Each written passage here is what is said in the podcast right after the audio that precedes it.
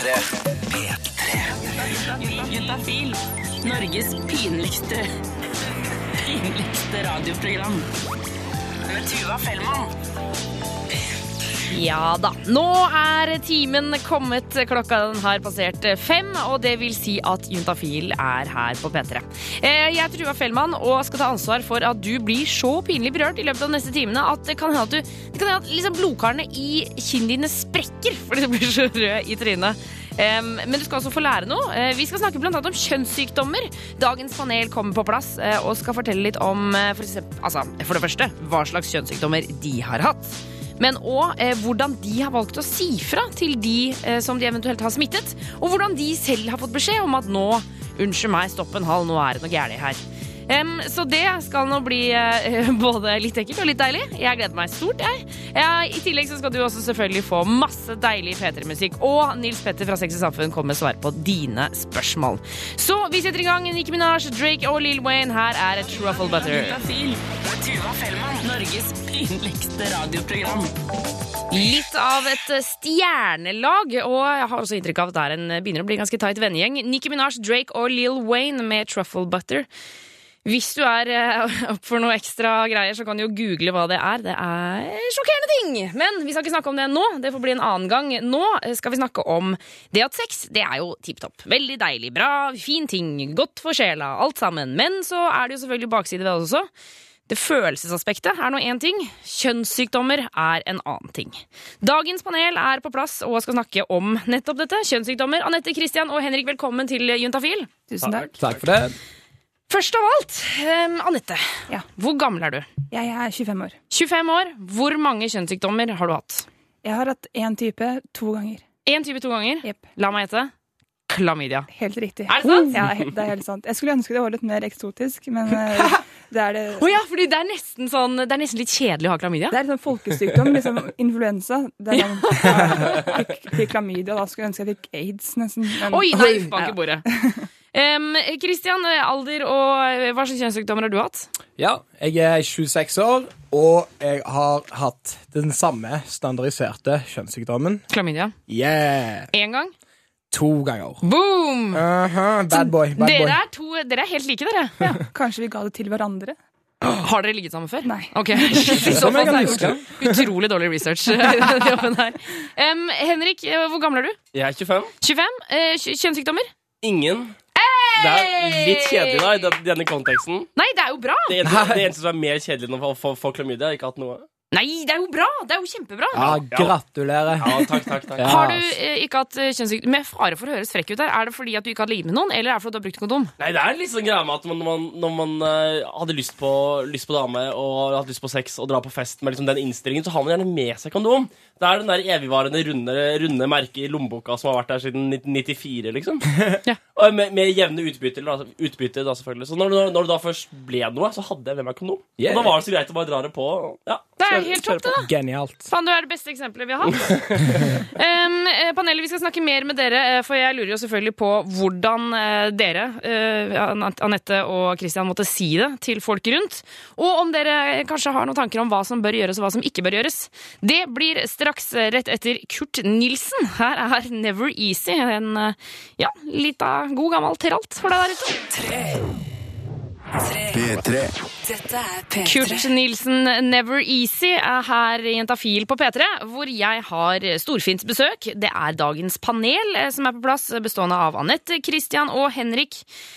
Og folkens, vi snakker om kjønnssykdommer. Er det, eh, altså, vi var så vidt inne på det. Det, det virka som at det nesten var litt kult å ha hatt klamydia. Er det bare noe jeg hører på, eller er det Så sant? absolutt ikke. Nei, det er ikke det! Nei, nei, nei. nei, nei. Ja, uff, nei. Det er ikke noe fett, ass. Det er ikke det.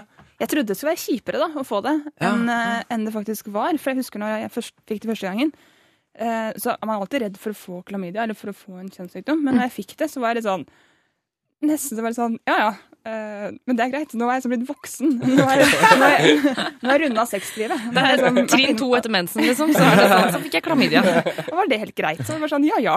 Men eh, Henrik, du har ikke hatt noen kjønnssykdommer. Nei, ass. Jeg lurer på, altså, Føler du deg på en måte litt ovenpå her? Nei, altså jeg, jeg, jeg har jo vært redd et par ganger. da Det har liksom vært, vært på dass, og så har det gjort, gjort vondt å urinere, og så tenkte jeg oi, svarte.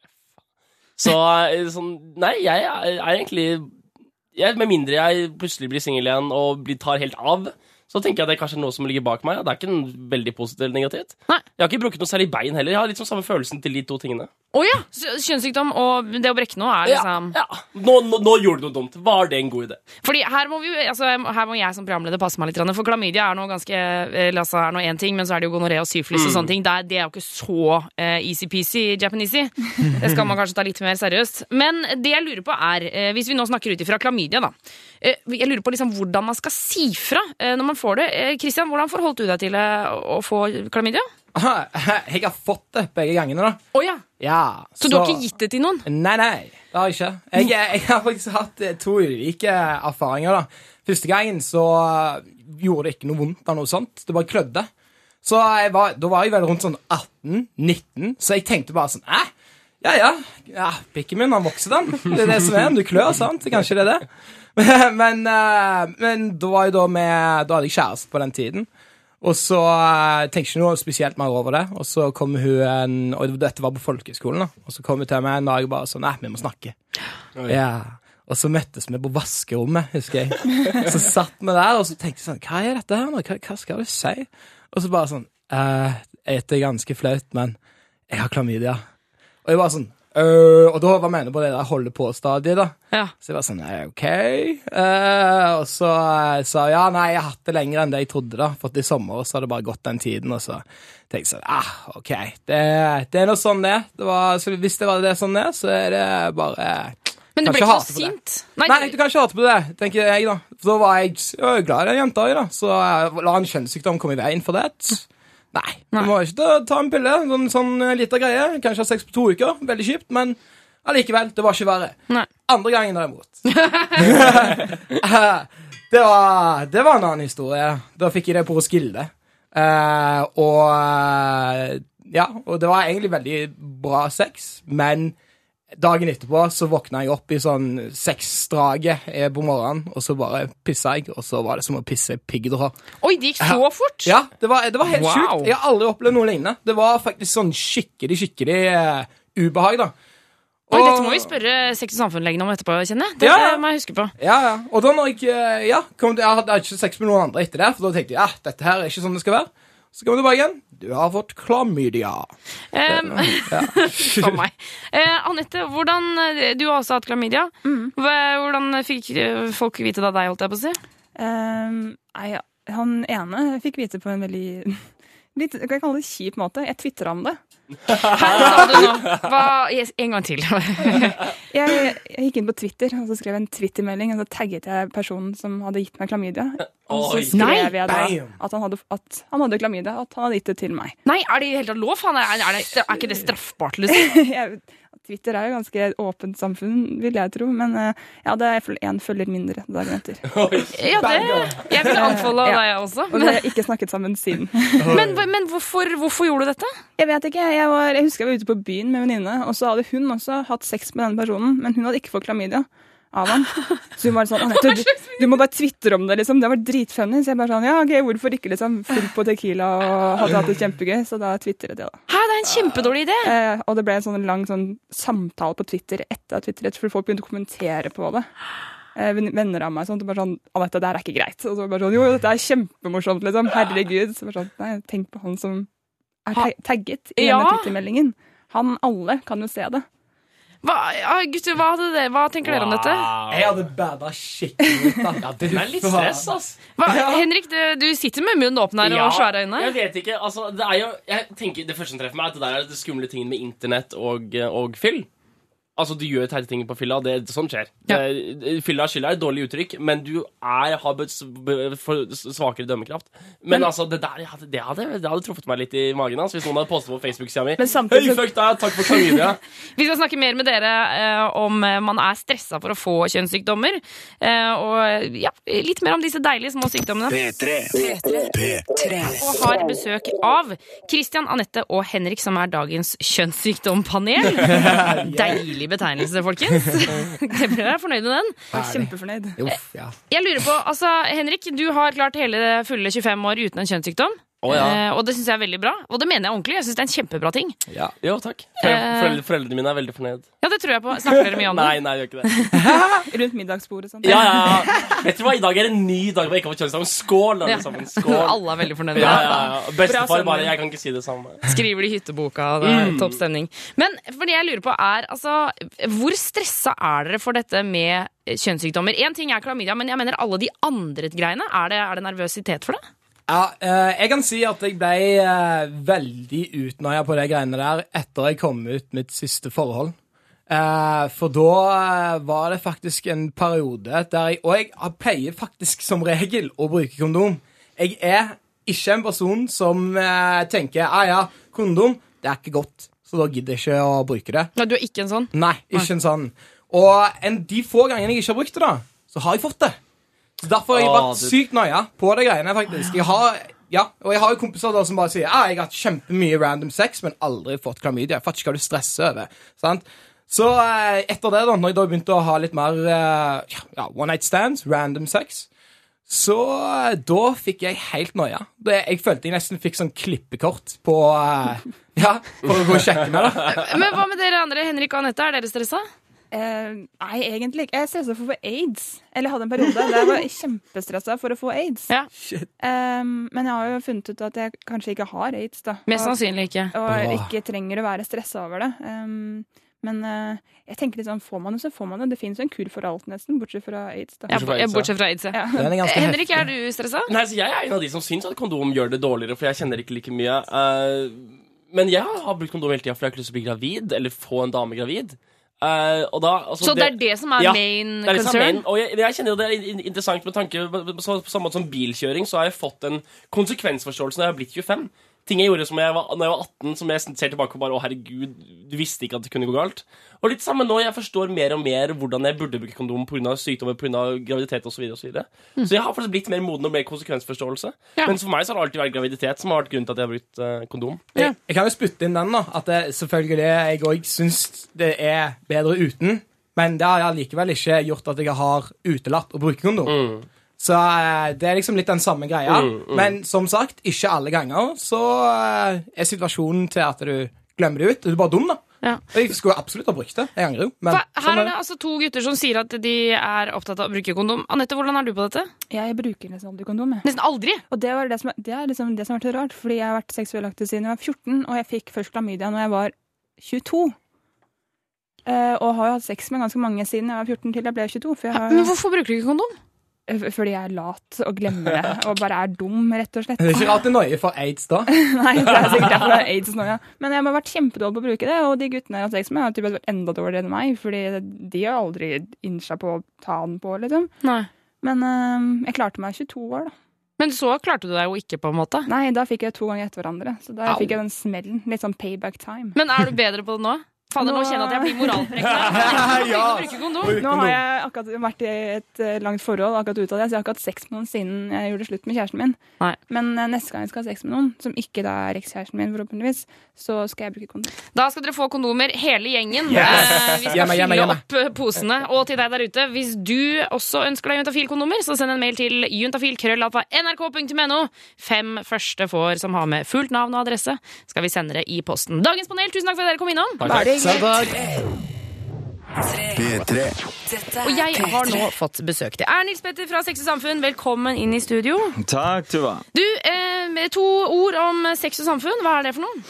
I to ord. Ja. Ferdig. Nei, men eh, det er en klinikk i Oslo som er gratis for ungdom opp til 25 år, som jobber med masse kult for ungdom. Vi tester for kjønnssykdommer, behandler det, vi, hjelper til med prevensjon. Vi driver med seksualundervisning for eh, tiendeklassinger i Oslo. Vi har masse prosjekter og masse spennende på gang. Ikke sant. Eh, og på torsdager så er dere jo eh, innom her i Juntafil og svarer på spørsmål som kommer inn til 1987 kodeord Juntafil. eh, og vi har fått inn eh, et, en SMS her hvor det står Det er fra Jente24. em, hvor det står Hei, har gått på p-sprøyte i ti år. Er det bra? Hva skal jeg velge nå? Uh, Må du bytte? Jeg skjønner ikke. Eller kan man, hvor lenge kan man gå på det? Nei, det kan man gå på uh, egentlig så lenge man ønsker, så lenge man ikke får noen grunn til at man ikke kan gå på det. Uh, og det er ganske få grunner. Da handler det om eventuelt risiko for hjerte-karsykdommer, eller hvis man har høyt blodtrykk. Eh, ellers er det relativt få grunner til at man ikke kan ta p-sprøyte. P-sprøyte har vært litt eh, sånn kontrovers med tanke på prevensjonsmiddel. Ja, fordi, altså, La oss gå gjennom nå. eh, Hvordan er det det egentlig funker? P-sprøyte, da er det ei sprøyte som du får en gang hver tolvte uke, altså hver tredje måned, som du må komme og få regelmessig da, til, til lege eller til sykepleier. Eh, og da må man følge opp det, at man ikke glemmer det, da. Ja, ok. Men, men så lenge man husker det, så er det et utmerket prevensjonsmiddel. Veldig bra sikra mot graviditet. Eh, og har eh, Altså, de fleste opplever at man mister menstruasjonen helt da når man står på p-sprøyte, og det er jo veldig fint for mange. Men, men ok, så når du sa at det har vært litt sånn kontroversielt, hvorfor det, liksom? Hva er det som er Nei, det har vært litt eh, spørsmål rundt det med muligheten for benskjørhet. Altså, i, i, Er det sant? Ja, det har vært det. Så det har vært gjort en del studier på det der. Gjerne på den som starter på p-sprøyte før de er ferdig fullvokst. Eh, Så har man sett at faktisk at beintetthetsmassen, som det heter så fint, da, den går litt ned. Eh, altså på skjelettet blir kanskje litt svakere til dem som står på p-sprøyte. Men så ser man også på studiet at eh, dem som slutter på p-sprøyte, vil eh, ta igjen dem som ikke har stått på p-sprøyte. eh, Med en gang de er ferdig med, med å stå på p-sprøyte. Så man er ikke sikker på om det egentlig har noen noe sånn uheldige effekter. Oh, ja, man så- tror ikke at det har det. Ok, så, så her har det bare vært litt sånn usikkerhet, og så har man forska på det, og så har man konkludert med liksom sånn Ja, dette, dette er egentlig ikke noe stress. Nei. Og så, er det jo ikke så mange som står på PC-brettet som har eh, blitt uh, gammel, for å si det sånn at man kan faktisk påvise at det, det har hatt noe negativ effekt. Men, men eh, vi mener at det ikke har det. Så, men det har vært en del eh, diskusjoner rundt det. Det har det vært. Ok, men, men, okay, så, men da går vi ut ifra at det ikke er noe Dette er ikke noe stress. Det er det samme som å gå på p-piller, på en måte. Men det jeg lurer på, er liksom sånn hvor eh, lenge kan man gå på ett prevensjonsmiddel? For ti år er jo skitlenge. Ja, men altså, det, der, eh, det er masse myter rundt eh, prevensjonsmiddel. Eh, og en av de store mytene rundt de fleste prevensjonsmidler er at, man, at det kan være vanskeligere å bli gravid når man har stått på det så mange år, eller at det kan få noe uheldige effekter. Men det man ser at det faktisk også på prevensjonsmiddel kan faktisk beskytte enten mot brystkreft eller underlivskreft, litt avhengig av hvilke prevensjonsmidler man bruker. Ok. Eh, Men det som skal være sagt, det som gjelder som p-sprøyte, og det skal jo Jente24 være oss på, når du slutter med det, så kan det i de lengste tilfellene ta opp til ett og et halvt år før man kan bli gravid. Og Oi, det, så og, lenge! Og, og det her gjelder kun for p-sprøyte, så igjen tar livet av en del av de andre mytene rundt p-piller og spiral osv. Øyeblikket man kutter det ut, så er du tilbake til normal hormonstatus og kan bli gravid omtrent med en gang. Men med p-sprøyte så kan det også skje at du kan bli gravid ganske fort etterpå. Men vi ser at det kan ta lengre tid, altså noen måneder før eggløsninga kommer i gang, og maks opp til ett og et halvt år. Okay. Så at man er klar over det. Hvis man planlegger graviditet til jente 24, så, så kan det være en idé å eventuelt bytte over til noe, noe annet prevensjonsmiddel. Ja. Hvis at du vet at det nærmer seg at du har lyst til å bli gravid. Ellers så, så skulle det være greit, altså. P3. P3. Line har besøk av Nils Petter fra Sex og Samfunn. Og livet blir jo mye lettere eh, for oss, Nils Petter, når eh, dere kommer på besøk. For da føler jeg at jeg kan fraskrive meg så mye ansvar. Å, så For dere er så smarte og kloke. Dere er så sånn bøker som man kan bare bla i så mye man vil, og så finner man svarene overalt. I hvert fall om sex, kropp og følelser. Ja, så det her er det bare å delegere vet du, ansvaret. Vi tar det. Ah, det er deilig, det er deilig. Ja. Vi har fått inn en eh, SMS her fra Jente25, eh, hvor det står Hei dere, eh, jeg har fått en kul på underarmen. Den er liten, vond og øm. Jeg er litt redd og flau når jeg er på trening osv. Har også en på låret og på rumpa. Fettkul eller kreft, skriver hun. OK. Eh, Det var dramatisk! vi-. Ja, jeg tror vi en gang sier med ganske stor sannsynlighet at det ikke er kreft. Ok, Ja, Du kan begynne med å si at det er nok ikke.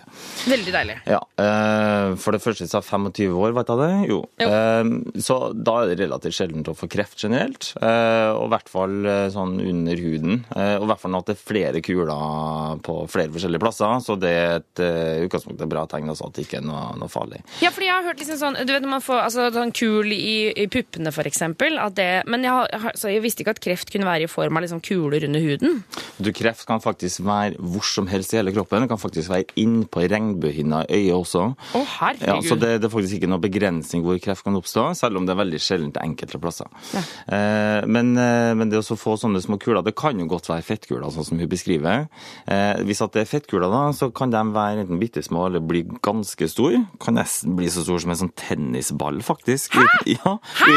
Du kan ikke ha under huden!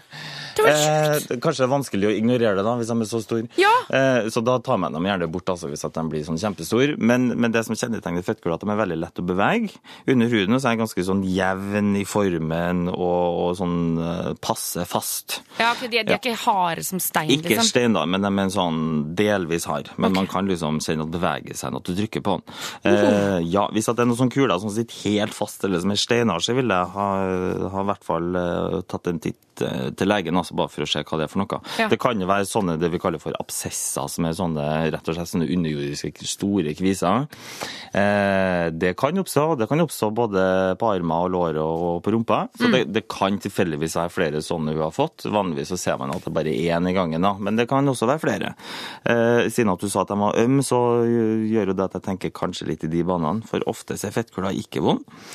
Eh, Men det blir vel også vondt hvis man begynner å trykke på det.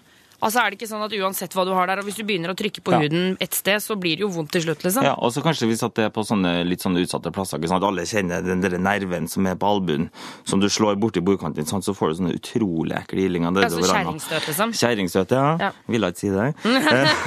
Og ja, for egentlig så er det litt kjerring... Hvorfor heter det egentlig det? Nei, er det Aner ikke. Men altså, Er det knytta til noe altså, altså, sånn negativt med kjerring? Det lurer jeg på. Dette skal jeg finne ut av en annen gang. Ja, gjør det. Så, så tar vi det neste uke. Ja. Okay. Men, men, men det er litt sånn at noen, når noen ting er litt utsatt, så kommer man ofte borti det, og da kan det bli vondt. ikke sant? Så det kan jo sånn som du sier, være det som årsaken til at det er litt ømt. da. Eh, ellers så blir det jo litt sånn hypotetisk å, å ramse opp en del ting som det kan være, men det er jo utrolig vanskelig uten å faktisk se det her, da. Eh, Men så, så, så hvis vi skal liksom altså, Er dette når man får flere klumper rundt omkring på kroppen, bør man da liksom Er det, er det legeworthy, eller skal man vente litt og se om det går av? Altså, jeg tenker Når du først har øh, kanskje bekymra seg litt for hva det er, så er det noe lett å ta en tur innom legen for å få det avklart. Altså. Og okay. Det finner legen veldig fort ut av. Det, altså, det finnes jo en masse forskjellige medisinske tilstander som vi leger alltid må tenke på. Mm. Også en del sjeldne tilstander, men jeg tror ikke det er mye poeng å begynne å nevne det her nå, for det er det nok sannsynligvis ikke. Så Ja. statistisk sett. Men, men stikk innom og så få tatt en titt på det, så, så tror ikke jeg det her er noe alvorlig, altså. Okay. Lykke til til eh, Jente25. Vi skal svare på flere spørsmål. Eh, Vi har fortsatt besøk av Nils Petter fra Sex og Samfunn. Det har du. Um, og vi har fått inn eh, et spørsmål til 1987, kodeord juntafil. Her står det Hei! Er det best å barbere analen? Og tips til hvordan jeg kan lese meg opp på dette? Eller er det best å dra og få den voksen? Vokset. Eh, hilsen, ikke voksen. hilsen homo som fant ut at han plutselig vil det. Ha-ha, skrev han. Ja, se der, ja. Ja, se der, ja. Plutselig så har man lyst til å prøve nye ting, vet du. Ikke sant? Ja, så det er jo bare å prøve. Men eh, jeg vet ikke hvor mange som får og så vokse eh, annen? Jeg har sett eh, på eh, vokseklinikker rundt omkring at de nå Ok. flere og flere har fått opp sånn eh, eh, voksing for menn. At Ja, man se der. vokser liksom i underlivet og sånne ting, og da tar man vel eh, også. Men eh, Ratatatan, ja. ratatatan Ja, se der. Det, da kanskje du er mer opplyst enn det, altså. Fordi eh, når det gjelder voksing der, så er jeg litt eh, Jeg vet ikke hvor mange som gjør det, men kjære vene, det, det er ikke noe for at man ikke kan gjøre det. Eh, man vokser jo alt annet i underlivet, så det er jo ikke noe forskjell. Det er jo hud der også. Ikke sant? For jeg Så- tenker jenter, altså brasiliansk på jenter, der er det Ja. jo svopp alt sammen, liksom. Ja, så klart det går an. Ja. Og det, det kan man jo prøve, og så går det an å prøve å barbere og se hva forskjellen blir, da. Ja. Hva man egentlig liker best. Eh, hvis man syns det er helt greit å gå på et voksestudio og så vokse den, så er det tipp topp. Hvis man er fornøyd med det resultatet og syns at eh, det kjennes del ut. Eh, nå er det også mange som barberer, eh, men det er jo ikke sagt at man må barbere eller fjerne hårene, da. Ja, fordi det, det, det kan vel også Altså, man kan jo bare ha, ha det der. Ja, altså det der er jo et evig eh, diskusjonstema når det gjelder behåring, og det er jo om det er i ansikt, rundt armer eller underlivet, foran eller bak, både til kvinner og menn. Der, eh, der er det jo like mange meninger som, eh, som det Som finnes rumper, folk. holdt jeg på å si. som rumper, ja. Ja. Eh, mange delte, så der, eh, der er det egentlig å gjøre det man sjøl har lyst til. Altså. Eh, det er mange som barberer, mange som, noen som trimmer, noen som bare lar det gro. Ja. Eh, men eh, for all del, gå, gå og prøv det. Men for jeg tenker sånn, altså En ulempe med voksing er jo at det koster jo penger. Det er jo tidvis ganske Ja. dyrt. Men eh, hvis han skal barbere, da, er det noe, liksom, har vi noe, er det noe tips? Er det noe man må tenke på hvis man skal barbere seg i rumpa? Eh, altså, det kan jo være litt klønete å komme til akkurat der, da. Men eh, så- setter deg ned på huk da, med litt av speil? For eksempel, sette seg ned på huk, eller eh, altså, ta i hvert fall det ene rumpeballen godt til side når du holder barberøveren i den ene hånda. Ja. Eh, og pass på at man ikke skjærer seg fullstendig opp. Men altså, det der, er jo, det der gjelder jo for barbering generelt, så det skal ikke være noe forskjell altså, bak eh, som alle andre plasser. Eh, men, eh, men gjerne sette seg på huk, altså. Det er et godt tips. Og så eh, kanskje kjøpe altså ikke sånn brukte, skitne, gamle uh, fars barberblader, liksom. Kanskje ha noe nytt og fresht. Ja, altså, og engangshøvler fungerer jo fint det også, ikke sant? Mens, eh, mens andre kan vi kanskje velge å ha en sånn eh, mer dyrere enn som varer lenger. Eh, også at man bruker bra med sånn barber, kanskje gel, da, eller noe sånt som er mer sånn sensitiv for huden. Ja, for det finnes jo sånn for underlivet.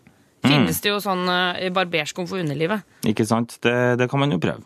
Ok, så nei, eh, her eh, er det rett og slett bare å prøve seg litt frem eh, til homo som plutselig fant ut at han ville barbere seg i rumpa. Lykke til, sier vi bare. Ja, ja, ja. ja. Og så er det lov å prøve og feile og, og liksom sånne ting. Man må Ja. jo teste litt ut. Og så litt obs, da. Hvis det er første gangen, så er det ganske vanlig at det klør ganske mye etterpå.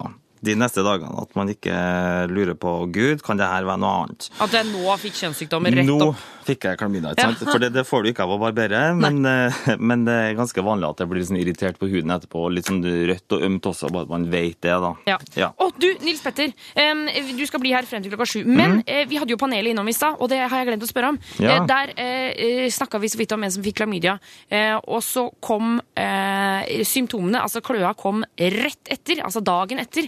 Hvor, Ok. hvor kjapt eh, får man symptomer for kjønnssykdommer?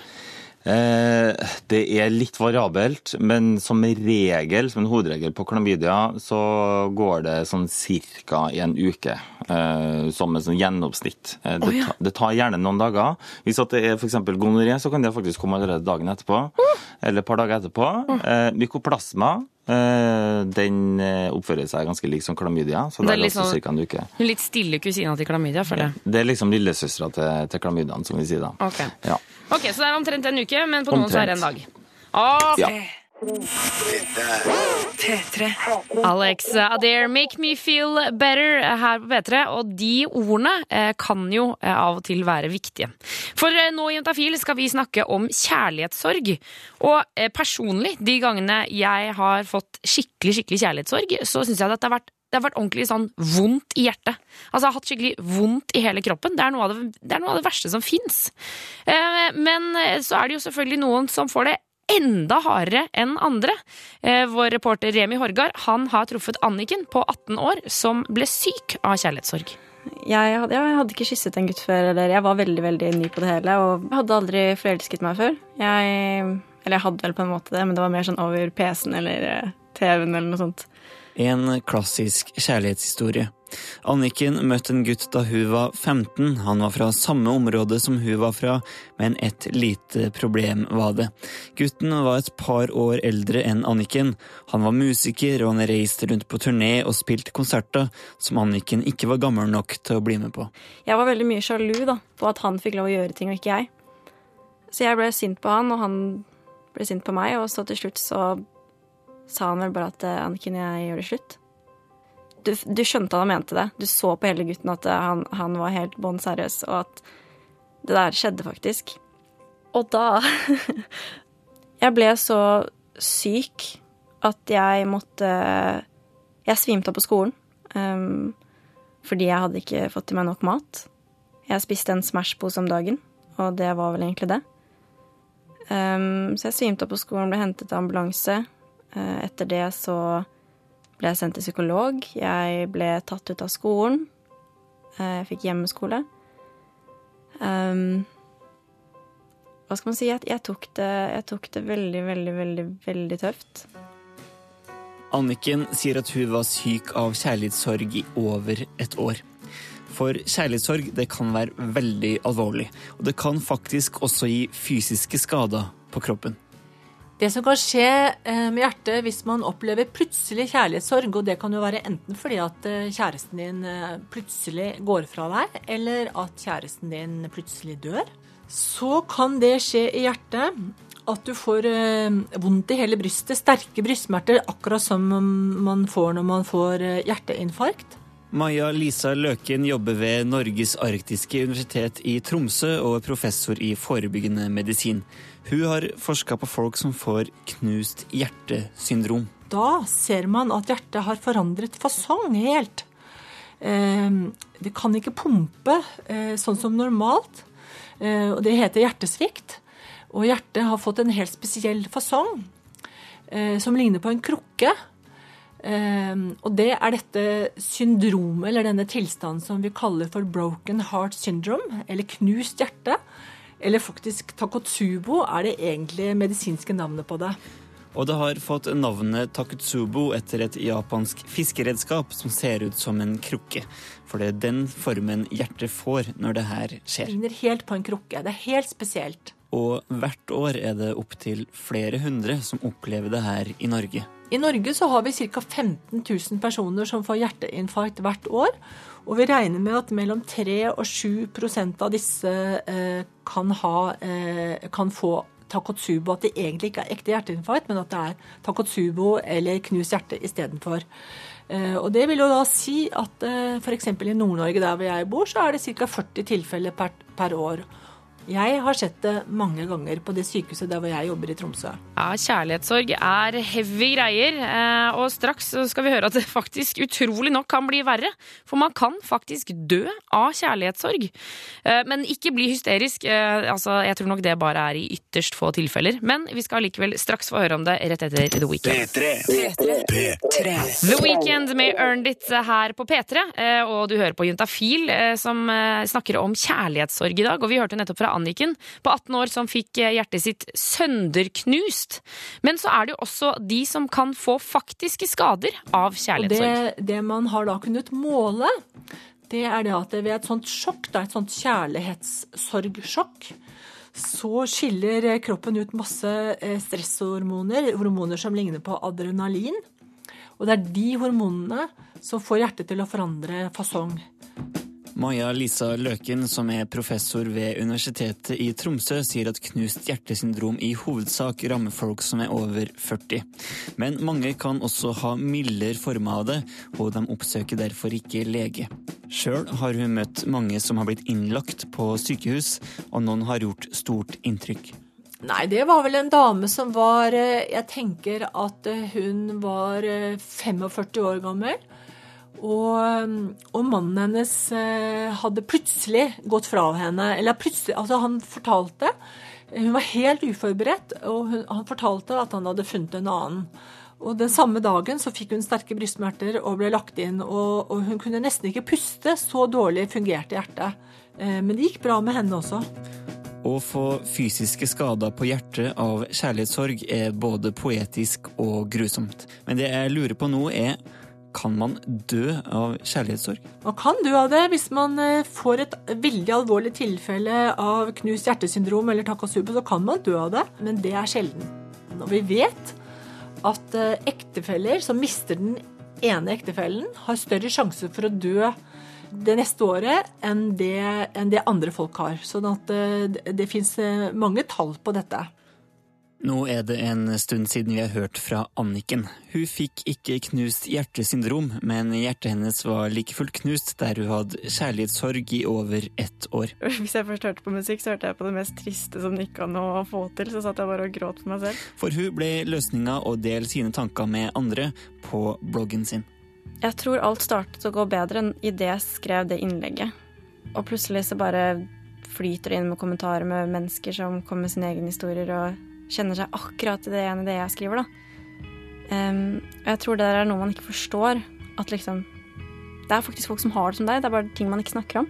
Og plutselig så fikk Anniken til å legge fra seg kjærlighetssorgen. Jeg våknet en dag og tenkte at uh, shit, ass. Jeg har uh, kasta bort ett og et halvt år på å være lei meg. Ett og et halvt år på å syte, ett og et halvt år på å ligge i senga mi og sove, ett og et halvt år på å spise en pose Smash. Jeg tror helt seriøst at det er eh, noe av det vondeste man kan, eh, kan oppleve. Og takk til Anniken som stilte på dette intervjuet, som blogger om dette på anjor.blogg.no. Eh, Reporter her var Remi Borgar. P3. P3. Og det er Juntafil du hører på, og jeg har fått besøk av Nils Petter tilbake i studio. Velkommen tilbake. Hei. Hei. um, du svarer på spørsmål som kommer inn til 1987, kodeord juntafil. Uh, og som sagt er det fra Sex og Samfunn, en grensklinikk i Oslo. Ja. Um, vi har fått inn spørsmål her fra Jente20, hvor det står Jeg har et spørsmål angående orgasme. Har aldri fått til å få det. Jeg vil gjerne finne ut hvorfor, og hvordan jeg finner ut om jeg i det hele tatt kan få orgasme. Hilsen Jente20. Ja. Du kan jo mest sannsynlig få orgasme. Det er, det er, ikke, det, det er få mennesker som ikke, ikke kan det, liksom. Det er få. Altså, det er noen som ikke får det, eh, og så er det noen som klarer å få det lett ganske ofte, nesten hele tida. Og så er det mange på spekteret midt imellom. Jeg tror de fleste ligger på et eller annet sted midt imellom på en sånn stor skala. Ja. Eh, men det er litt mer komplisert altså, for, for kvinner enn for menn. Det er, det må, altså, det er Det er vanskelig å få til. Det skal litt mer til. Ja. Men det som eh, mange ikke er klar over, da, at eh, det er et veldig viktig organ som heter klitoris. Og det skal man ikke glemme, fordi det må stimuleres som en hovedregel også for å få en orgasme. Og klitoris sitter ikke inni skjeden. Så der er det mange som eh, kanskje tenker at eh, et vanlig samleie, altså penetrering, vil til syvende og sist føre til en orgasme, sånn som det gjør til gutter, men det gjør det ikke altså nødvendigvis til jenter. Nei. Det er noen jenter som klarer det også, men det er en litt annen type orgasme. Så, så men klitoris ligger jo da ganske langt fram på på yttersida, altså helt, helt fremst på, på underlivet, eh, før du kommer så langt til, til, til skjeden og urinrøret. Det er liksom eh, eh, lett, rett under liksom idet eh, tisen begynner, holdt jeg på å si. Idet Ja, den i sprekken kommer. Yes. Så vet du, Det anbefaler egentlig alle jenter å gjøre, det å sette seg ned altså, og bli ordentlig kjent med underlivet sitt. og Sette seg ned og sprike beina og sitte med et speil og, og gå på oppdagelsesferd. fordi der er det mange som kan få seg noen aha-opplevelser. altså. Ikke sant? Eh, Kjempeviktig eh, å vite hvor ting er, og hva det faktisk er du ser. Så da har du, et, eh, da har du faktisk to sett med kjønnslepper. Det er de store kjønnsleppene, og så har du de mindre kjønnsleppene. Og egentlig mellom de store kjønnsleppene, der finner du eh, en liten utvekst som da er klitoris. Det er som en liten tapp, på en måte. Det er som en liten tapp. Noen har ganske stor tapp, noen har ganske liten tapp. Og den, når man blir opphissa, så vil den vokse, for den fylles da med, med væske, og så blir den mer sånn eh, svulmende. Ja. Eh, men det som faktisk er litt morsomt, den stikker faktisk utrolig langt inn på innsida, det man ikke ser. Så den er faktisk mye større enn det du faktisk ser. Altså, det er litt sånn toppen av et isfjell. Ja, der. Titanic, liksom. Mhm, Men, yes. men ok, så, men når, når, når man sier sånn at man må stimulere klitoris Fordi jeg tipper at jente 20, dette må du prøve. Du må prøve å stimulere klitoris. Men hvordan er det man stimulerer? Altså, Hva, hva vil det si? Eh, Det vil si eh, hovedsakelig ved berøring, altså enten om man bruker en finger, om man bruker en vibrator, eller om det er noen som, eh, som slikker deg på klitoris, eller hva det er man bruker, altså der er bare kreativiteten altså, som setter stopper. Okay. Så, så er det viktig at man i hvert fall har noe der som stimulerer, f.eks. hvis at man har samleie samtidig, så er det f.eks. å sitte med en finger altså, og så massere på klitoris. Man masserer sirkulært, eller man vibrerer fort, eller hvordan man velger å gjøre det, det får man finne ut av sjøl, hva Ja. som man syns er deiligst. Ok, Men Men jente 20, altså, du må eh, prøve deg frem på denne eh, stimuleringa. Og så tenker jeg sånn eh, altså Idet man sitter og tenker 'jeg må komme, jeg må få orgasme, jeg må få orgasme', jeg må få orgasme, så kommer det jo ingenting. Nei. Eh, og det der, eh, det som kan være ganske fint også, det er å øve seg sjøl, altså. Litt sånn sånn eh, altså eh, onani hjem alene. Eh, I ro og fred, i trygge omgivelser, og hvor man selv ikke har noen andre ytre forstyrrelser. Så kan man ordentlig utforske sin egen kropp og, og trene seg opp rett og slett på å i hvert fall å forsøke da, å, å, å få orgasme selv, eh, før man kanskje har det med andre. Mens andre kanskje opplever at det er lettere å få det med andre, men vanskeligere eh, alene. Men, men igjen, altså, der er det eh, prøve seg fram, prøve seg alene, prøve seg med noen, prøve kanskje med noe leketøy, prøve med en vibrator. eh, Og det, det, det, er ikke gitt at man vil få det til. Kanskje ikke de første gangene, kanskje ikke de første ukene eller månedene heller. Eh, hvis at man syns at det der er vanskelig, så, så er det helt fritt fram også å, å, spørre noen om råd. Eh, det finnes jo sexologer, det finnes andre rådgivere, det finnes, det finnes helsepersonell som man også kan oppsøke for å få eh, flere råd og tips ifra. Da. Ja. Og eh, vi hadde jo, eh, For en stund siden så hadde vi jo en serie med eh, Betty Dodson, som eh, beskriver seg selv som orgasmeguru.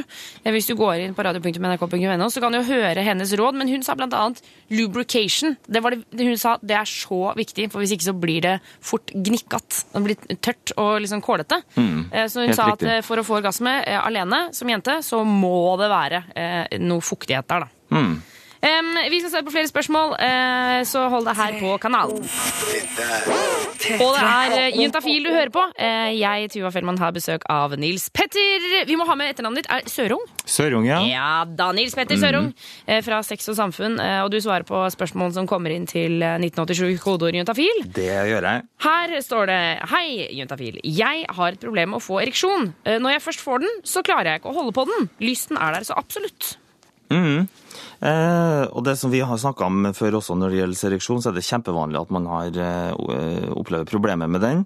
Eh, og stort sett så er det ikke noe, noe farlig eller noe, noe sykdom som ligger under det. Jeg føler at, Kan jeg eh, dra en sammenligning? Vi snakka Mm. nettopp om jenter som sliter med å få orgasme. Jeg føler at her er det to problem Ja. på hver sin side Ja. som alltid kommer opp med det ene kjønnet. At gutter sliter med å holde ereksjonen oppe, og at jenter sliter med å få orgasme. Ja, så man skal ikke tenke at å, det andre kjønnet har det så mye enklere enn meg. ikke sant? Fordi det, det er faktisk ting som folk syns er trassig, men Ja. man snakker kanskje ikke så mye om det. Men her så gjør vi det. Ja. Ja.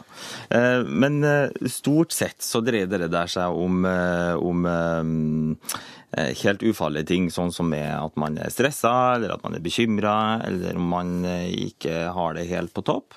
Eh, Så går det da stort sett på at, eh, på at blodtilstrømmen da forsvinner fra penis når at eh, ereksjonen først har vært der, eh, fordi av en eller annen stressfaktor. Gjerne indre stressfaktor, men det kan også være en ytre stressfaktor, som noen opplever da i eh, en seksuell relasjon til noen andre, i en seksuell eh, setting, f.eks. om det er samleie eller hva det skulle være, at man blir stressa på en eller annen måte, og så mister man ereksjonen. Ja. Eh, som en refleks, altså, rett og slett.